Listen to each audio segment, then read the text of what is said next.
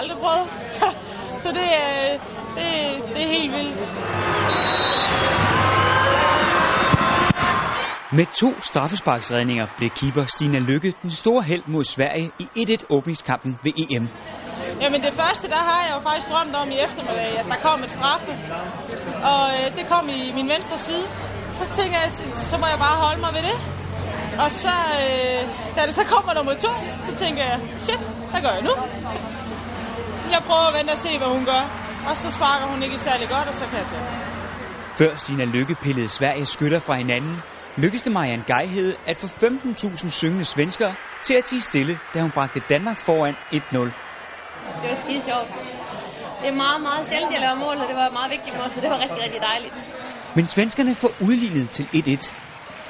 Og derfor viser Stina Lykkes mirakler på stregen sig at blive afgørende. Øh, vi står jo bare alle sammen og, og tænker, red den, red den, red den. Og da hun så gør det, så er det en stor forløsning. Og da hun gør det to gange, det er jo helt, helt fantastisk. Super præstation. Kampens afslutning taget betragtning erkender landstræner Kenneth Heiner Møller da også, at resultatet er godkendt. Når man har to strafspark imod, os, øh, mod sig, og, og så tage, øh, eller stadigvæk får, får et point, så er det svært at sige, at man har tabt to. Men efter de første 70 minutter, så var jeg i hvert fald ikke tilfreds med det. Så det er sådan lidt en, en blandet følelse, men øh, nu er vi i gang. Selvom det ikke bliver til tre point, er der alligevel meget, danskerne kan tage med fra kampen, inden de næste opgør mod Italien og Finland. Og nu har jeg fået bygget ekstra selvtillid på, og nu er jeg klar til den næste kamp. Ja, vi kan tage et point. Det er voldsomt vigtigt. Øh, at komme herfra med 0 point, det vil være simpelthen så ærgerligt. Det er den ene ting. Den anden ting, det er noget af spillet. Altså noget af det spil, som vi spiller mod etableret forsvar.